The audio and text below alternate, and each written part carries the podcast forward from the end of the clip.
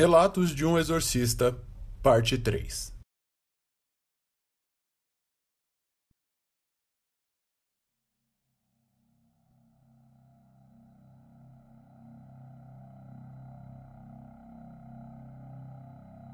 Todos me perguntam: por que uma vida dessa?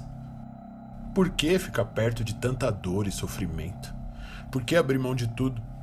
Bem, a verdade é que eu não escolhi nada disso. E nem acho que fui escolhido, só aconteceu. E quando acontece, um homem de verdade faz o que tem que ser feito. A minha infância foi normal, até meus nove anos, quando tudo aconteceu. Desde que me entendo por gente, eu estava naquele orfanato. Não sei como fui para lá, mas sempre que eu questionava, a resposta era: porque estava nos planos de Deus. E eu pensava: mas que filho da puta. Enfim, cresci no orfanato, fui bem educado, mas sabe como é? Crianças mais velhas quase nunca são adotadas. Eu vou chamar de orfanato apenas, não quero mais problemas.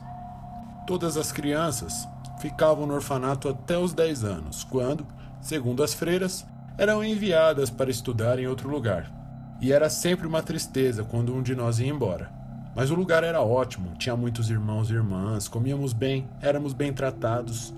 E depois dos estudos podíamos brincar no imenso quintal. A propriedade era como um sítio, afastado de tudo e com muito espaço livre.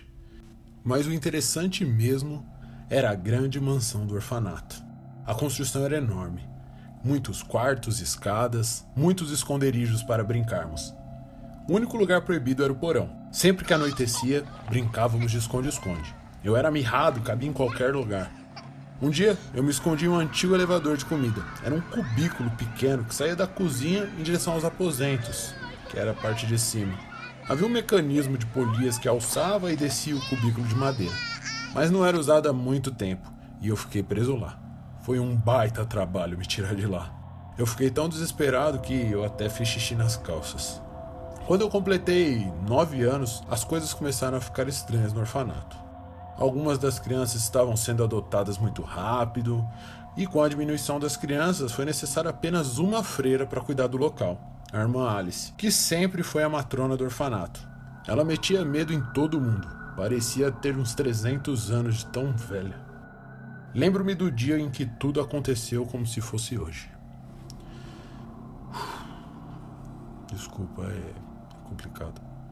Bom, era madrugada e eu e mais dois irmãos, os únicos da casa, a gente escutou alguns sons estranhos vindos do, do interior da casa, provavelmente do porão. Descemos as escadas até o hall principal e ficou claro que alguém estava rezando em voz alta. Mas parecia outra língua. Na época eu não tinha muita noção do que era, mas hoje eu sei que era hebraico, bem rebuscado inclusive.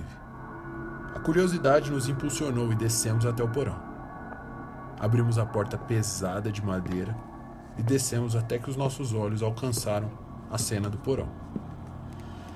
Irmã Alice estava frente a uma mesa de madeira, sem a parte de cima das vestes, com um cutelo nas mãos.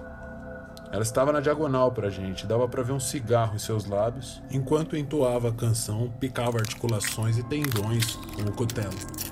Não dava para saber que carne era, até que meu irmão me cutucou e, com os olhos cheios de lágrima, apontou para o canto do porão.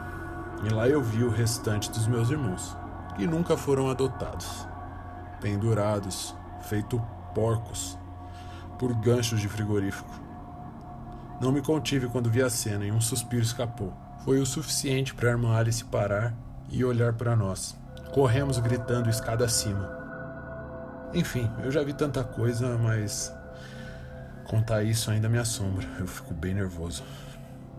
Enfim, eu me escondi e pude ouvir um a um dos meus irmãos serem mortos pelo cruel cutelo da irmã Alice. Ou seja lá o que habitava aquele corpo. Eu fui salvo pelo elevador de comida. Me enfiei lá e só saí dois dias depois. Até desmaiei lá dentro. E quando saí, nem sinal dos meus irmãos ou de toda a podridão daquele porão. A única coisa que encontrei foi um terço estourado no porão, bem velho. No final, o orfanato nunca mandou nenhuma criança para adoção, e aquelas mulheres nunca foram freiras. O que de fato acontecia com as crianças é um mistério. E eu prometi por cada uma daquelas crianças que eu iria atrás de todas as freiras. Foi nesse dia que o Will me encontrou. Daí, tudo teve início.